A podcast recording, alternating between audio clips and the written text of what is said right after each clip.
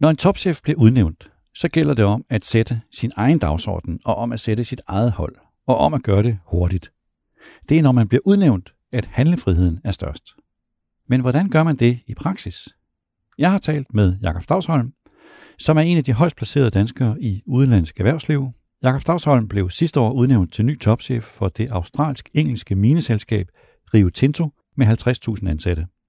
Han har tidligere arbejdet i Shell i mange år, derefter kom han til danske ISS, og før at han kom til Rio Tinto, var han i topledelsen i AP Møller Mærsk, som han forlod i 2018. Derefter blev han CFO, altså finansdirektør i Rio Tinto, og godt halvandet år senere skete der det, at Rio Tintos daværende topchef blev fyret. Rio Tinto ødelagde to hellige steder i Australien, hellige for den oprindelige befolkning Aboriginals, og ødelæggelsen endte i en skandale, selvom man havde indhentet de nødvendige tilladelser fra myndighederne. Et eksempel på en af tidens udfordringer for mange virksomheder og deres topchefer. Hvis man kommer ud af takt med tidsånden og gør det, som man plejer at gøre, så kan man komme alvorligt galt afsted. Det banede vejen for en overraskende udnævnelse af Jakob Stavsholm. Bestyrelsen ønskede at forny virksomhedens kultur, og i de internationale medier forventede man, at den nye topchef ville blive en ekstern kandidat, men valget faldt på Jakob Stavsholm. Mit navn er Niels Lunde, chefredaktør på Børsen, og jeg taler i denne udgave af podcasten Topchefernes Strategi med Jakob Stavsholm om forløbet. Jakob Stavsholm, velkommen. Tak, Niels. Og tak fordi du vil være med. Jo, tak. Du er administrerende direktør for Rio Tinto, som er forholdsvis ukendt her i landet, men som er en stor global minekoncern. Kan du med få ord forklare, hvad Rio Tinto egentlig er? Ja, det kan jeg godt, øh, men det er fuldstændig korrekt. Øh, ganske ukendt i Danmark. og, og mineindustrien er jo ganske ukendt for danskere, fordi vi har ikke mineindustri i Danmark, men sandheden er jo, at når du kigger dig omkring, så alt, hvad du ser, det er enten noget, der er vokset, eller noget, der er udvundet. Så alt, hvad vi bruger til daglig, afhænger af mineindustrien, som er centreret i dag i steder som øh, Australien, Kanada og Sydafrika. Øh, Rio Tinto, vi er en af verdens største producenter af en række råstoffer, som øh, værende jern, øh, jernmalm, aluminium, titanium. Vi er også store inden for guld, sølv og diamanter. Så det er sådan en klassisk øh, historisk øh, virksomhed, sådan en produktionsvirksomhed, som faktisk producerer noget, den er helt tilbage fra 1800-tallet. Hvor mange ansatte er I? Så vi er omkring øh, 50.000 ansatte med 100.000 øh, contractors, og det er rigtigt, vi har snart 150 års øh, jubilæum. Vi er både mine øh, udvinding, og så har vi en masse procesvirksomhed øh, for at øh, forædle produkterne. Vi er det, der hedder dual listed company, som er, øh, har hovedsæde både i London og i Melbourne, og derfor noteret på børserne i øh, Australien og i England, og så har vi en sekundær listing øh, i London. Men vores største forretningsaktiviteter, det er i Australien og i Kanada. Vi skulle tale i dag om det, vi kalder de første 100 dage, og vi vender tilbage til, til det, men bare sådan det rent formelle forløb, mm. bare lige for at få nævnt det. Sidste år, din forgænger blev fyret sammen med to andre fra den daværende ledelse, og det skete den 11. september i 2020, det vil sige for nærmest præcis et års tid siden. 10 dage senere fortalte du din formand, at du var parat til at kandidere til jobbet, og over de næste måneder gik du til øh, igennem cirka 10 interviews, og så tre måneder efter, 17. december sidste år, der blev det offentliggjort, at du skulle være den nye chef for Rio Tinto med virkning fra 1. januar. Du kom jo til, fordi din forgænger blev fyret på grund af en stor sag, især i internationale medier, især i Financial Times. Hvad var det, det der skete? Jamen altså, det var en helt igennem forfærdelig sag, som vi stadig lever med konsekvenserne af.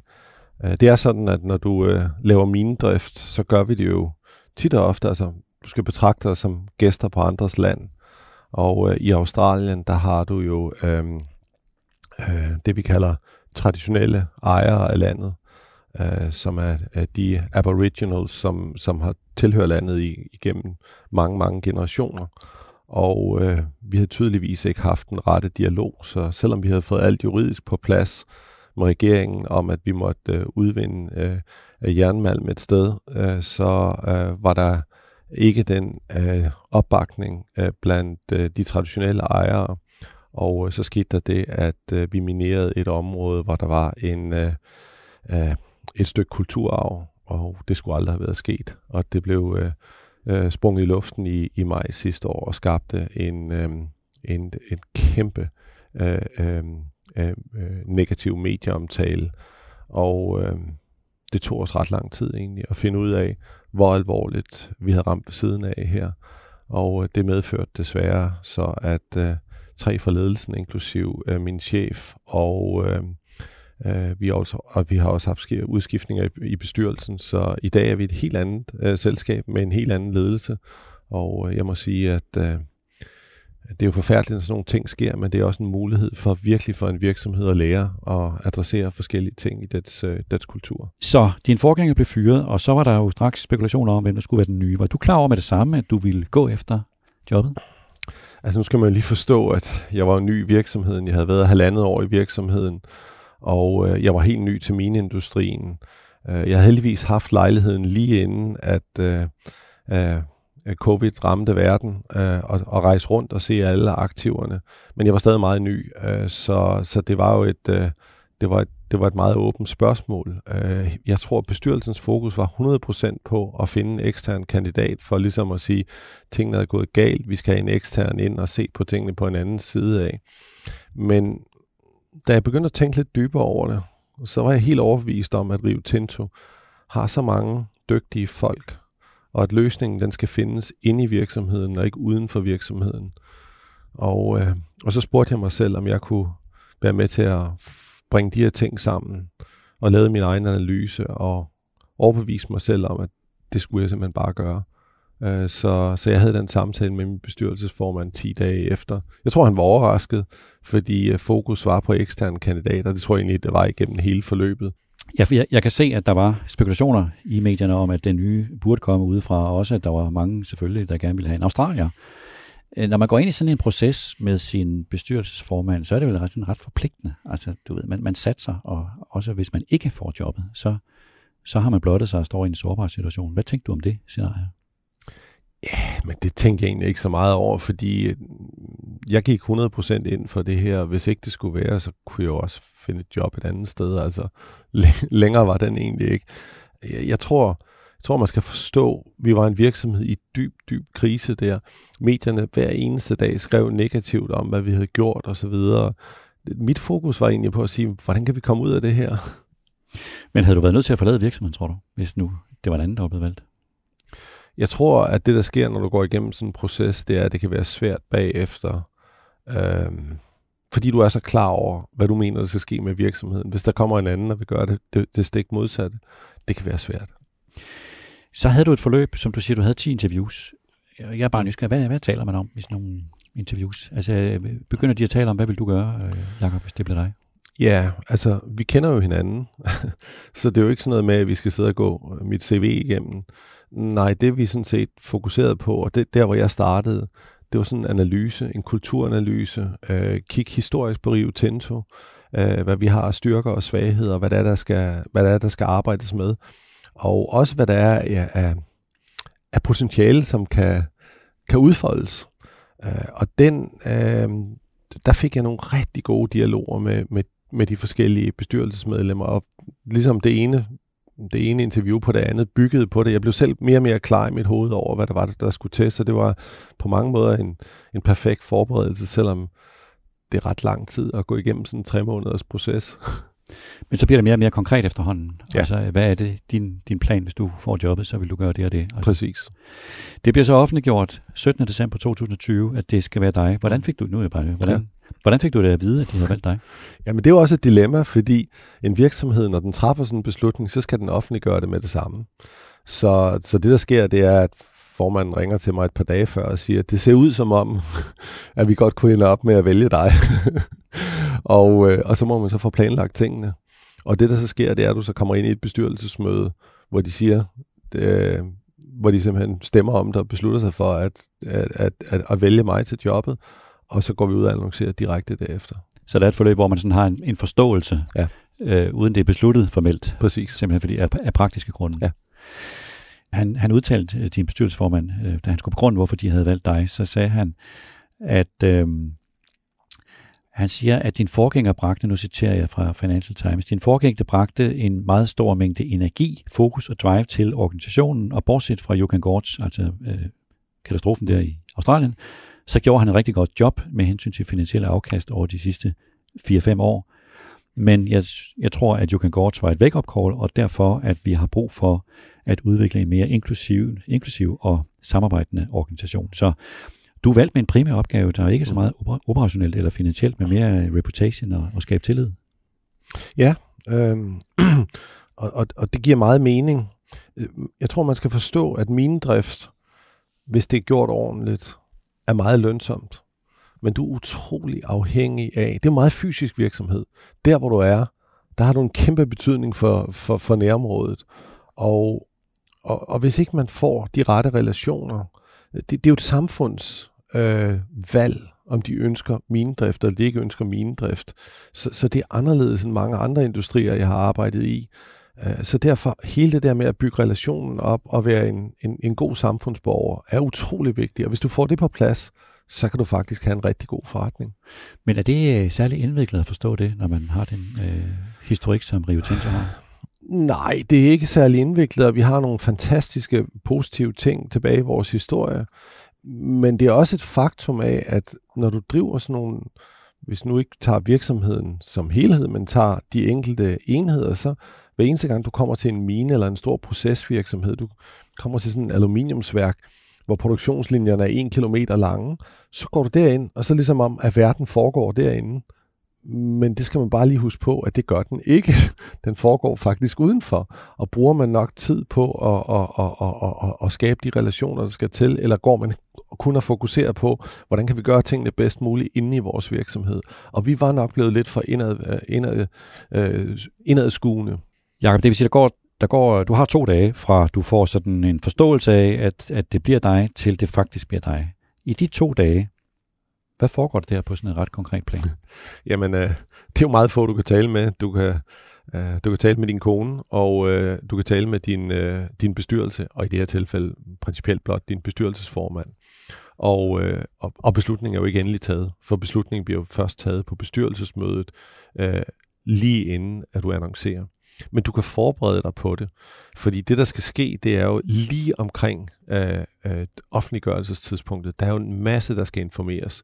Det kan jo ikke nytte noget. Altså selvfølgelig skal tingene gå direkte til børsen, men du kan heller ikke have, at du så sidder tilbage med en virksomhed med 50.000 medarbejdere, der, der begynder at læse avisartikler og ikke ved, hvad der sker i virksomheden. Så alting skal falde inden for et meget, meget kort tidsinterval. Så der er ret meget, der skal planlægges. Du vil gerne lige prøve at fange din egen ledelse omkring øh, offentliggørelsestidspunktet, således at de forstår det, altså det, der sker, og hvad er det for tre punkter, de skal gøre sig klar over, og hvad er det for en proces, fordi du skal være klar over, det er jo også en stor usikkerhed for dem, når der kommer en ny CEO. Hvad betyder det for dem, og så videre. Så, så når du kan gøre det menneskeligt at tale med folk, så skal du gøre det, men problemet er, at du har en meget, meget kort øh, vindue. Men du har i det mindste et par dage der til at få det planlagt, så, det, så du er klar til at ramme rigtigt. Der, skal jo også, der er jo nu engang nogen, der skal kunne skrive en pressemeddelelse, der skal gå ud på tidspunktet. Så der er et vindue også børsmæssigt? Øh, jamen børsmæssigt er det jo i det her tilfælde, at, at det kommer ud en pressemeddelelse lige før børsen åbner. I i, I det her tilfælde var det i London. Vores problem er jo, at vi er både børsnoteret i Australien og i London, men vi har faktisk et lille lukket vindue, øh, hvor den ene lukker, før den anden åbner. Så det er inde i det vindue, man skal ja. ramme, og så skal ja. man sådan sidde med en plan, der, der sådan tæller baglæns fra tidspunktet, hvor det bliver offentliggjort. Ja, præcis. Når man bliver udnævnt som ny øh, topchef, så sker der jo det, at øh, alle kigger på dig. Ja. Alle, alle bedetæpperne bliver lige vendt i din retning. Selv de mindste signaler bliver tolket. Og der er vel særligt et sted, man må have været nervøs, og det var jeg vel i den daværende ledelsesgruppe, gættede på. Altså, de har siddet og tænkt, øh, okay, mm. de valgte Jakob Stavsholm, øh, hvad betyder det for mig? Så ja. hvordan håndterede du dem? Ja, altså nu skete det jo lige op til, til, til jul, så det jeg gjorde, det var, at jeg talte blot kort med dem øh, før jul, og så over jul, så skrev jeg et langt brev til dem alle sammen, hvor jeg øh, stillede dem 10 spørgsmål, og så satte jeg et møde op med hver af dem, på halvanden times varighed i første uge af januar, hvor jeg bad dem om at reflektere over de 10 spørgsmål, jeg havde. Og det gav udgangspunkt for, at vi havde en rette dialog. Hvad ville de gerne, og hvad havde jeg brug for? Og se, hvordan vi kunne finde hinanden på forskellige muligheder, om vi delte de samme værdier osv. om vi havde de samme refleksioner over, hvad der var gået galt sidste år. Hvad var det for 10 spørgsmål? Bare nogle af dem. Nej, nu, nu, nu, nu det, det, det, jeg kan dårligt, det kan jeg, simpelthen, det kan jeg simpelthen dårligt huske længere. Men, men det var jo, øh, det var faktisk det, der som overraskede folk, det var, hvor meget jeg egentlig spurgte ind til dem, hvad, hvad de stod for, hvad de, og hvordan de så omkring tingene. For de havde jo de havde måske troet mere, at jeg prøvede at forklare dem, hvad jeg havde brug for.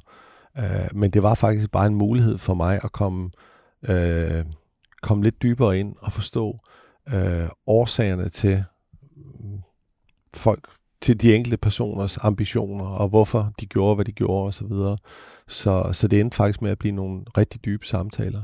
Så du spurgte mere ind til deres, hvad skal vi sige, ledelsesmæssige synspunkter, mere end deres sådan øh, faglige, tekniske? Øh. Overhovedet ikke fagligt tekniske. Mere helt nede på det personlige plan. Hvad betyder noget for dem? Hvordan vil de leve deres liv? I sådan en periode, som vel nu er det så offentliggjort, men stadig jo en ret følsom mm. øh, periode, hvem rådfører du dig med? Ja, ser du. Øh, jeg havde øh, forskellige ting. Jeg havde øh, på det tidspunkt, min formand havde allerede et år tidligere øh, hjulpet mig med at finde to mentorer, som er tidligere CEOs og bestyrelsesformænd for nogle af Europas største virksomheder, som, som har været gode, altså som har været igennem sådan nogle ting og har været gode til at, til at hjælpe mig med at tale. Og så har jeg også haft en personlig coach, som har hjulpet mig. Og det jeg gjorde i det øjeblik blev udnævnt, det var, at jeg tog fat i de tre globale headhunter-firmaer, som, som vi arbejder sammen med, og sagde, at vi er nødt til at tale sammen her over julen. Hvor vi så stille og roligt gik alt igennem omkring de folk, som de kendte i, i vores virksomhed, og vi sammenlignede med eksterne. For jeg vidste bare, at jeg havde brug for at få forskellige dimensioner på, på øhm, øh, dimensionen omkring mennesker. Og det var særlig kompliceret, fordi øh, jeg stod over for at skulle have mig en ny chef for, for HR. Men, men det vil sige, at det var, det var tre headhunter-firmaer, som kendte organisationen. Netop. Og som du både kunne tale med dem om, altså bruge den til at sammenligne. Præcis, for de havde, de havde masser af faktuel information om de enkelte ledere internt i virksomheden også. Var der noget, der overraskede dig? Ja, nej, ikke overrasket, men det, der var interessant, det er jo nogle gange, så sidder du med folk, der har virkelig meget, meget forskellige holdninger til øhm, enkelte personer. Og øh, nogle af de mest talentfulde personer, som jeg har, er også noget, hvor der nogle gange kan være nogle af de største spørgsmål omkring. Og der må jeg sige, at der, der valgte jeg ligesom at virkelig gå ind og bruge en masse tid på at overveje det. Og det er jo nogle af de, de vigtigste valg, jeg har truffet. Og i dag, når jeg kigger tilbage, så er jeg simpelthen så glad for, at jeg brugte den tid. Jeg føler egentlig også, at jeg ramt meget godt. Altså, jeg, jeg, jeg har ikke fortrudt nogen ting omkring valget af mit ledelsesteam. Det kommer vi tilbage til, Jacob. Det du så gør her, det er, at du vælger fire prioriteter. Mm. Altså du sætter dig ned, og så laver du fire prioriteter. Og var det for at sætte en hurtig retning til organisationen? Var det for at have et grundlag at komme videre på i forhold til, til ledelsesgruppen? Hvad var det, inden vi kommer til dem, hvad var det, du øh, ville med de fire prioriteter? ja, altså det, det, det går sådan lidt interaktivt, men, men sandheden er jo, at du, kan jo ikke, du vælger jo ikke et team blot for at få et team, fordi jeg kan godt lide jer. Du vælger et team for at løse en opgave. Men hvis ikke du kan definere, hvad det er for en opgave, du vil løse, så er det svært at vælge det rette team. Uh, og, og det er sådan lidt ubehageligt, fordi jeg faktisk tror på teamwork, så jeg vil jo egentlig gerne bruge det nye team til at sætte opgaven. Men det kunne du jo ikke, fordi de var der ikke. Så jeg tænkte, det der er smart, det er at vælge noget simpelt, som jeg kan stå indenfor, og som vi så kan starte ud med, og så kan vi sammen lave strategi, når vi kommer lidt længere ned ad vejen. Uh, og, og, og, og jeg spillede rundt i mit hoved mange gange, og jeg havde tre prioriteter, jeg havde fem prioriteter, men til sidst så blev det ved med at ramme, at de her fire prioriteter, det var lige det, vi havde brug for, for at gøre virksomheden, for at komme ud af krisen, og for at gøre virksomheden stærkere. Hvad var det for fire? Ja, så det, det første, øh, som jeg på godt engelsk kalder best operator, øh, det, det spiller til styrken af vores virksomhed. Vi har en achievement-kultur i Rio Tinto, øh, men sandheden er, at nogle gange, altså det er jo sådan geologisk, enhver mine er unik, men, men uniqueness er ikke særlig godt, fordi hvis du skal være industriel, så vil du gerne have tingene til at, at, at, at køre efter et, øh, et, et, et, et svejserur. Og øh, jeg må bare erkende, at der var for meget variabilitet. At vi er gode operatører, men, men vi har ikke helt det der Toyota Lean Manufacturing. Og det piner mig, fordi jeg kan se, at vi havde det for 20 år siden, og vi har tabt noget af det. Jeg talte med øh, en tidligere CEO for Rio Tinto. Han er 88, John Ralph. Han gik på pension for 29 år siden. Han har fortalt mig om, hvordan han implementerede det i slutningen af 80'erne. Og det skabte faktisk en konkurrencefordel for vores virksomhed i forhold til vores konkurrenter for 20 år. Så det er helt klart for mig, vi skal tilbage til det her, komme tilbage til, til hjertet af vores styrke. Øh, og, og det er noget, folk kan associere sig med. Så det første, det er, we gotta be best operator. Så det er simpelthen at, hvad skal vi sige, indhente en konkurrencefordel, man havde engang, som, ja. som man har mistet. Ja, altså, du ved, øh, under øh, hele det her øh, supercycle med Kina, der har vi haft så meget fokus på at ekspandere vores forretning, at vi har glemt nogle af de helt basale ting om, hvordan kan du være så effektiv som muligt. Altså, hvad er vores kernekompetencer? Hvad er, og det er ekstremt meget en ledelsesmæssig opgave. Det er ikke så meget med egentlig øh, nogle tekniske ting. Det er mere omkring, hvordan du leder folk, hvordan du empower folk til, at de ikke kun får en manual og siger, folk på gulvet, de skal gøre det og det og det. Nej, hvordan kan I gøre jeres arbejde nemmere? Hvordan kan vi forbedre de her ting? Ligesom få det der continuous improvement mindset helt frem foran øh, øh, i, i den mentale bevidsthed. Og måske også blive skarp på noget, som jeg synes, når jeg taler med andre topchefer, så er det ikke altid sådan helt øh, til at, at afkode deres skarphed, havde jeg sagt omkring det.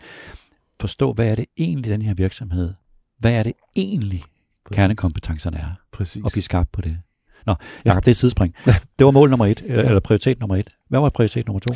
Ja, øh, så prioritet nummer to, øh, som på engelsk hedder impeccable ESG credentials. Og det er jo simpelthen, at vores performance inden for ESG, uh, Environmental Social Governance, det skal bare være upåklagelig. Og øh, der var mange, der stillede mig spørgsmål, hvordan tør du sige det? Fordi du er en stor virksomhed, kommer ikke til at lave fejl fremover. Så siger jeg, prøv at høre, det, det skal vi bare. Det er fundamentet for vores virksomhed. Og vi skal være bedre end andre på det her. Og jeg siger ikke, at vi ikke kommer til at lave fejl fremover, men hvis vi tager sådan noget som sikkerhed, hvor vi vidderligt er super, super gode. Vi har ikke, vi har ikke haft øh, øh, dødsfald i, i, i vores virksomhed over de sidste øh, to og et halvt år, hvilket faktisk er, er, er mm, altså det skal jo aldrig ske, men, men det er øh, øh, det, det, det, det, det er svært. Øh, der er slet ingen tvivl om, at vi har impeccable øh, øh, øh safety performance, og folk ved, hvornår noget er upåklageligt, og hvornår det ikke er det. Men der er andre områder, hvor vi skal gøre bedre. Altså, vi er stadig meget tidlige stadie omkring klima. Vi skal gøre meget mere. Vi har et stort carbon footprint. Det skal vi gøre bedre. Det var nummer to prioritet. Nummer tre er et område, øh, hvor jeg bare mener, at vi skal gøre det bedre. Jeg kalder det Excel in Development, og det er at blive ved med at udvikle nye, øh, øh, nye øh, miner, Øh, og det kan være enten ved at købe nogen og drive den bedre, eller det kan være selv øh, ved efterforskning og, og bygge dem op. Vi har, vi har gjort for lidt over den sidste periode, hvor vi har tit og ofte haft et øh, tanke på det korte sigt. Men jeg tror, man er nødt til at forstå en virksomhed som Rio Tinto. Den skal man ikke se på i kvartaler. Man skal se på den i årtier. Øh, og hvis jeg kigger på vores første halvårs resultat, så må jeg bare sige, at det er ledere, som træffede nogle rigtig gode beslutninger for 20 og for 30 år siden. Der er årsag til, at vi tjener så mange penge i dag. Og jeg føler, det er mit ansvar at sikre os, at vi bygger fremtidens portefølje om, til om 10 år og til om 20 år. Og det er det, der skal komme igennem her. Nu spørger jeg bare lige, er minedrift, er det, øh, er det noget, vi overhovedet har om 50 år i den her verden? Ja. Øh, der er ingen tvivl om, at vi kommer til at få en meget mere cirkulær økonomi men du kommer ikke til at, og, og du, kan, du kommer aldrig til at nå 100%. Det, det, det kan simpelthen ikke, altså det kan ikke lade sig gøre. Så, så, så det du ser lige nu, det er på den korte bane, så er der for eksempel ting som batterimaterialer. Det betyder overhovedet ikke, når du cirkulerer det, fordi du har brug for 10 gange mere batterimaterialer, end hvad der eksisterer i verden, men hvad der er udvundet indtil videre. Men længere ude, så er du fuldstændig ret i, at den cirkulære økonomi skal, skal, skal sparke ind. Nummer 4? Ja, det er sådan lidt mere, at man skal være lidt ydmyg omkring øh, vigtigheden af vores øh, social license. Øh, vi har nogle gange en idé om i virksomheden, at vi selv kan vurdere, hvor gode vi er, men det kan vi altså ikke. Øh, det er den forståelse af, hvor vigtigt det er, som især inden for vores branche, at vi har en god social license, og den bliver bedømt af andre. Og, den skal, og det her, den her prioritet, det er et spørgsmål om at sige, at vi er simpelthen nødt til at blive mere udadvendte og, og mere deltage i det samfund, vi er en del af. Øh, det feedback, vi fik uh, sidste år fra Australien, hvor vi jo kæmpestore. Hvis ikke vi er den største, så er vi den næststørste virksomhed i Australien. Uh, det er, de siger, jamen, vi ser jer jo ikke. Og vi er simpelthen bare for store til at gemme os. Så vi har været nødt til at steppe op uh, big time. Og for mit eget vedkommende, jeg har haft møder, jeg, vi, vi talte op til mere end 130 møder med folk, som jeg ikke kendte fra samfundet, fra, fra top til bund i samfundet. Simpelthen bare for at komme ud og sige, hvad står vi for, hvem er vi, og forstå, hvor andre folk kommer fra. Forstå den kritik, der har været af Rio Tinto. Så, så, så det er faktisk en integreret del af at drive forretning. Det er ikke blot image eller sådan nogle ting og sager. Det er helt fundamentalt for fremtidens virksomhed. Så det var de fire prioriteter, som du sad og lavede der hen over julen, gætter jeg på, øh, ja. sidste, sidste jul. Og lavede du dem alene? Ja. Øh, nu er det her jo, det er jo fire prioriteter, hvor især jo nummer to og nummer fire, begge to lægger op til et brud med, med en kultur, der har været i virksomheden. Det er jo altid, i hvert fald ofte smertefuldt, når en gammel kultur skal brydes op. Hvad, hvad gjorde du for at, at overvinde den modstand? Jamen, jeg brugte et par trick. For det første, så vil du aldrig høre mig tale om kulturforandring, fordi bare ordet det er til at, altså, det er jo forfærdelige ord, ikke? Det er ligesom at sige, at der er noget galt med virksomheden, ikke? Positiv psykologi. Så blot prøve at, at forklare, hvad det er, vi skal gøre, i stedet for at kritisere og gå tilbage.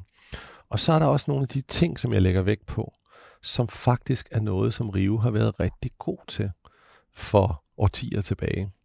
Og en af de ting, jeg har fået allermest ud af, det er, at jeg har talt med en række af de tidligere CEOs for virksomheden, og øh, hvis jeg går tilbage til 1995, så var Rio Tinto det første mineselskab. Vi brød med hele mineindustrien, og vi var lagt for had i mineindustrien for flere år, fordi vi gik ind og accepterede øh, traditionelle owner, at de havde, at det var deres land, og vi begyndte at betale øh, leje for, for, for jorden til dem. Øh, så vi har været helt ledende. Så nogle af de ting, som jeg lægger pres på nu, i stedet for at sige, at det er nye ting, så siger jeg, jamen, det er jo det, vi har gjort før. Det er det, vi skal gøre. Så præsenterer, så præsenterer du de her fire prioriteter for, for ledelsesgruppen, eller hvordan går det til det? Nej, så jeg vælger jo først øh, øh, ledelsesgruppen, og det er jo selvfølgelig individuelle samtaler, og, og, og så bruger jeg selvfølgelig min bestyrelse undervejs med at sige, prøv at høre, det er de her betragtninger, jeg har gjort mig. De var super gode til at uh, supporte mig. Jeg husker det omkring 20. januar. Jeg sagde, vi er simpelthen nødt til at have et bestyrelsesmøde søndag, fordi mandag morgen flyver jeg til Australien, og så annoncerer vi uh, når jeg er landet i Australien, for så skal jeg lige sidde 14 dage i hotelkarantæne, og så, så kan jeg snakke med alle mulige folk omkring øh, den nye ledelse og så videre. Øhm, så det var, det var meget individuelle samtaler, og, og det er en ting, altså det lyder, det lyder måske meget banalt, men det er det faktisk ikke. Det er jo en global virksomhed øh, i en ekstrem grad. Vores ledelse sidder i Montreal, i Singapore, i Brisbane, i Perth og i London. Så jeg skulle altså flytte ret mange familier verden rundt. Øh, og det er sådan, så er det okay lige at lade folk få et par dage til lige at tale med deres familie om det og så videre. Så det er et ret stort puslespil at få til at, øh, at falde på plads. Øh, I den sidste ende, så var, så var der kun én øh, ekstern rekruttering øh, involveret. Der var en række promotions internt, og der var andre folk, der blev flyttet rundt på, men men da vi havde det nye team på plads, så var der ingen, der havde siddet i det samme job i mere end et år. Så det er jo den største ledelsesmæssige ændring, vi har, vi har haft i, i, i virksomhedens historie. I har en ledergruppe på 13. Ja. Og hvis jeg har talt efter, så er der en ekstern rekruttering. Resten er faktisk folk inde fra virksomheden, og mange af dem har endda været der i rigtig, rigtig mange år. Så du har flyttet rundt på dem og skiftet ud på deres ansvarsområder, men du har ikke rigtig fyret, øh, fyret ret mange. Er det et bevidst valg? Meget bevidst valg. Øh, min forgænger, han øh, fyrede rigtig, rigtig mange mennesker. Og, øh, og det er bare svært at få skabt øh, et tillidsfuldt, øh, en tillidsfuld organisation, hvis du hele tiden skal, skal fyre folk. Øh, I den sidste ende, fyre folk, det er jo...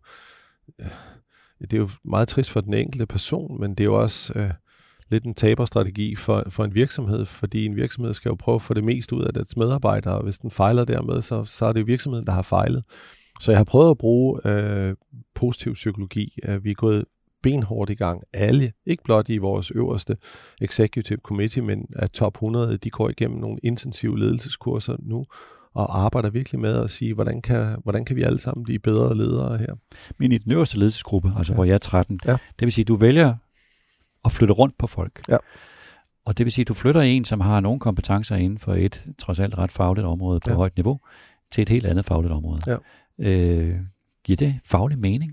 Det giver enorm mening. Uh, altså vi, vi kan sådan tage et par eksempler. Jeg havde uh, Alf Barrios, som var min CEO for Aluminium gennem otte år. Han havde ligesom lavet sit arbejde der. Han har arbejdet på topniveau i BP i mange, mange år, øh, primært inden for det kommercielle område. Jeg har nu flyttet ham til Singapore som min Chief Commercial Officer. Han er simpelthen bare, uden sammenligning, den bedste og mest kommercielle person, vi har. Så han passer perfekt dertil.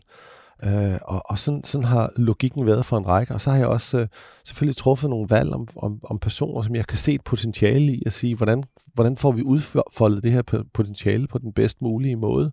Og, øh, og det, det, det er derigennem, jeg har, jeg har truffet de valg, jeg skulle gøre. Jeg træffede et, et meget svært valg også. Øh, jeg har en øh, person i, i Executive Committee, som kommer fra Mongoliet, og i den sidste ende, vi er meget store i Mongoliet, vi har investeret 11 milliarder dollars i Mongoliet. I den sidste ende, så valgte jeg, at han skulle være global CEO for vores øh, koverforretning, og det inkluderer øh, Mongoliet.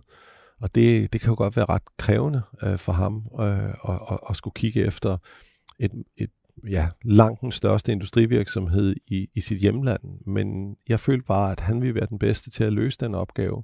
Så der er mange dimensioner, der skal, der skal tænkes igennem. Men det vil sige, at der har været eksempler i den her nye ledergruppe, hvor du måske godt, hvis du var gået ekstern, kunne have fået øh, sådan rent fagligt et højere niveau, men hvor du vælger at tage en, der er der i forvejen af andre grunde?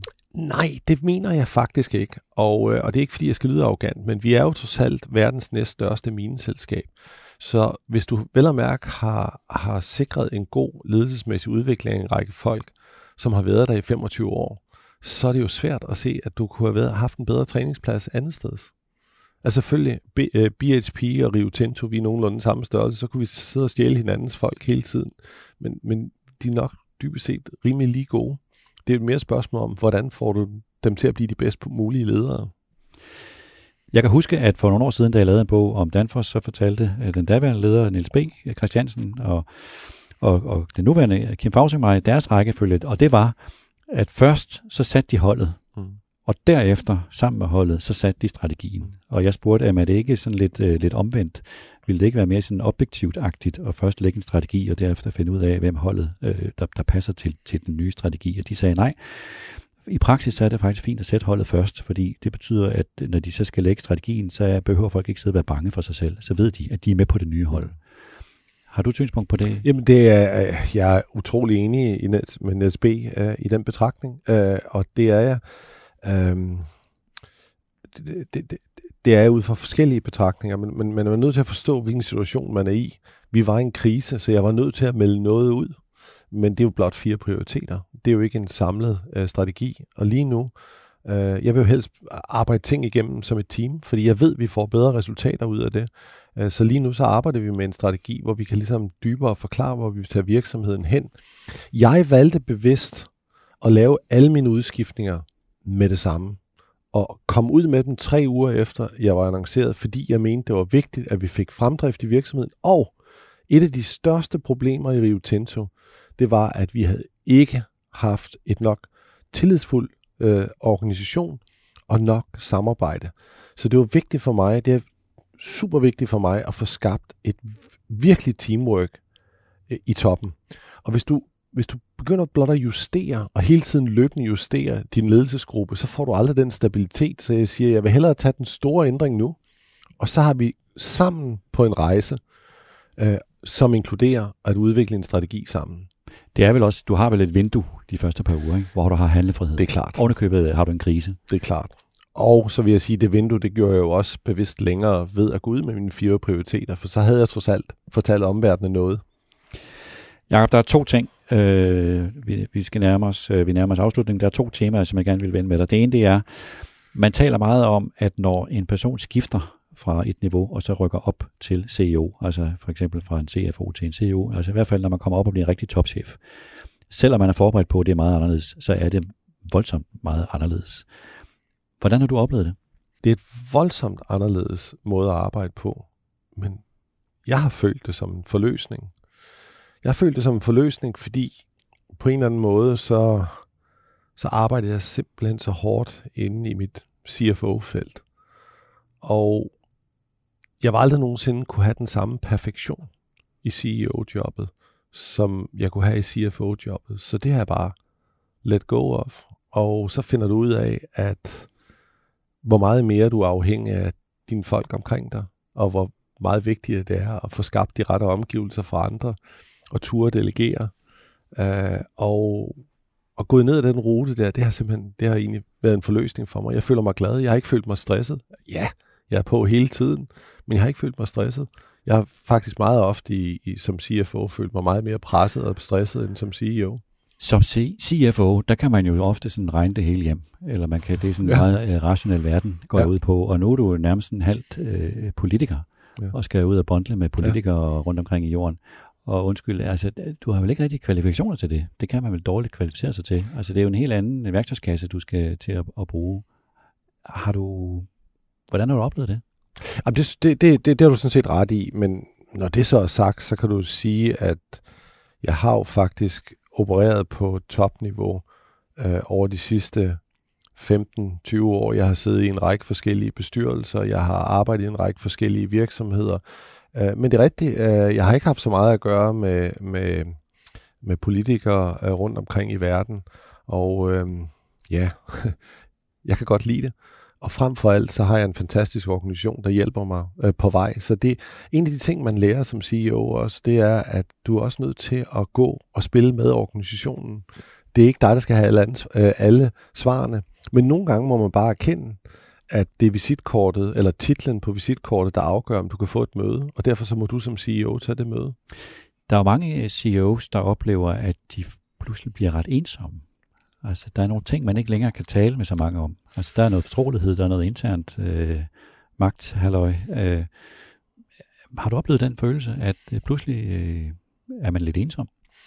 Nej, men der er jo dage, hvor, hvor man bare må erkende, at altså, den her det her, det må du altså selv finde ud af, Jacob. Det kan ikke, den, kan du ikke, den kan du ikke lægge videre til andre. Men øh, jeg føler mig ikke ensom. Jeg, jeg føler, at jeg, jeg føler virkelig, at vi prøver at få skabt et team sammen, og, øh, og, vi, har, og vi begynder at have den teamfølelse, men der er tidspunkter, hvor man skal være lidt alene i det, for man skal være parat til at tage ansvaret. Rio Tinto er jo en engelsk-australsk virksomhed, det vil sige, det er en angsaksisk virksomhed. Og med mine mange fordomme omkring angsaksisk ledelse, så er det meget øh, hierarkisk. Øh, det, er en, det er en meget anderledes ledelsesform, end vi er vant til i Skandinavien. Hvordan orienterer du dig som, jeg ved godt, du har været i, i globale virksomheder i mange år, men stadig, hvordan orienterer du dig med et, et dansk mindset ind i en angelsaksisk ledelse? Ja, øh, jeg tror, der er to perspektiver, som, som er vigtige at, at trække ud under det. Og jeg vil sige, at begge dele, i mine øjne, er under forandring. Det ene er det, som du nævner, omkring hvordan man arbejder sammen, hierarkisk eller ikke hierarkisk. Og det er ikke kun kulturmæssigt, hvorfra man kommer. Vi har måske nogle andre værdier i Skandinavien end, en, en angelsaksisk ledelse. Men jeg vil også sige, at hvis jeg ser på jeg selv kan polit, hvordan politstudiet var, da jeg studerede, det var meget individualistisk. Og når jeg ser mine børn, der nu studerer på universitetet, at det er en langt mere samarbejdende måde. Øh, man laver meget mere teamwork. Øh, det var et ord, som nærmest ikke eksisterede på universitetet, da jeg gik der. Så der er både en, en, en, en, en foranderlig generation, og så tror jeg egentlig på mange måder, at vores måde at kigge på tingene på i Skandinavien er er en førende måde. Og, øh, og, øh, og det, er det, vi, det er det, vi ser mere og mere. Og jeg er ikke sådan super bevidst om det, men jeg tror, det er det faktisk det, at, at, at jeg prøver at praktisere ved at få skabt meget mere øh, samarbejde øh, på tværs af virksomheden, og få folk til at holde op med hele tiden at tænke på, at øh, det er mig selv, det er den enkelte person, der ligesom skal, skal shine, men, men det er faktisk virksomheden først, og det gør man som et team. Det er den, det er den ene dimension, som er vigtig omkring Angel ledelse, hvor jeg kan se, at i hvert fald de værdier, jeg kører frem med, de, øh, de bliver modtaget, og man kan godt selv se, at der skal ske nogle ændringer der. Så det er under forandring. Det andet, der er under forandring, det er jo, at Angel ledelse har altid haft det her meget shareholder value fokus, som jeg også selv er opdraget med. Jeg er finansmand. Jeg lærte de ting på politstudiet øh, tilbage i 90'erne. Men der må jeg jo bare sige, at især for en virksomhed som Rio Tinto, det står mig mere og mere klart. Få skabt værdi for andre stakeholders, og så skal der nok blive noget til aktionærerne. Og men, sådan har jeg ikke tænkt tidligere. Men omkring det med ledelse, der er det der er min erfaring i hvert fald af angelsaksisk ledelse og også andre steder, at hvis man i sådan et, en kultur går ind og, og vil samarbejde, mm. så risikerer man at blive opfattet som svag.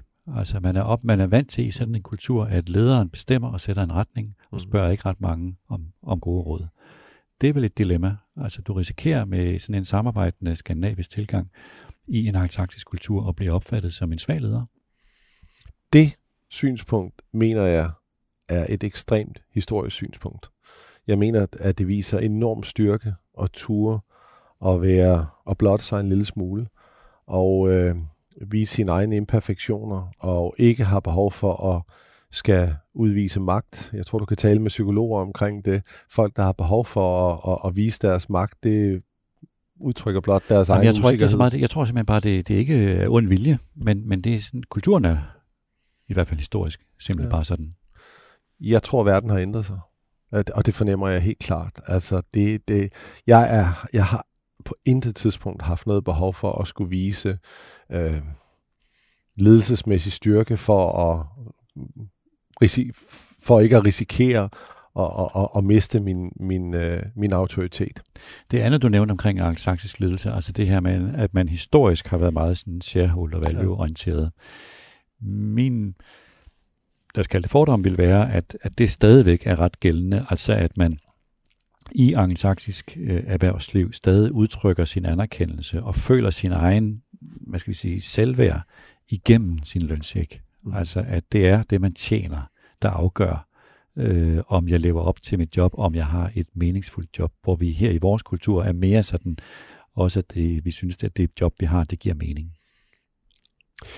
Ja, jeg ved det ikke. Jeg tror nu stadigvæk, at overalt i verden, der lægger folk meget vægt på deres løntjek, og, øh, og det er egentlig de, en af de ting, jeg vil prøve at gøre alt, hvad jeg kan for, at, øh, at vi fokuserer på andre ting også. Øh, jeg mener, at noget af det vigtigste, som vi arbejder med netop, det er, hvad er det, der kan differentiere Rio Tinto? Jamen, det er noget omkring formålet. Øh, at, det er, at det er nyttigt, det vi, øh, øh det vi gør. Øh, og det, det skal vi kunne vise, og det skal kunne tiltrække folk. Øh, selvfølgelig skal folk også have aflønnes, men det føles meget tomt, hvis det virkelig er den eneste årsag til, at man går på arbejde. Men kan man godt i en virksomhed med 50.000 ansatte, global virksomhed, i alle mulige forskellige ja. kulturer, få dem til at blive motiveret af et overordnet formål? Det mener jeg. Jeg vil prøve på det. Jakob Stavsholm, tak fordi du vil komme. Tak. Det var denne udgave af podcasten Topchefernes Strategi. Tak til Peter Emil Witt og til Mie Christensen, der redigerede udsendelsen. Tak til Amalie Hårør, der sørgede for at få podcasten frem til dig. Og tak, fordi du lyttede med.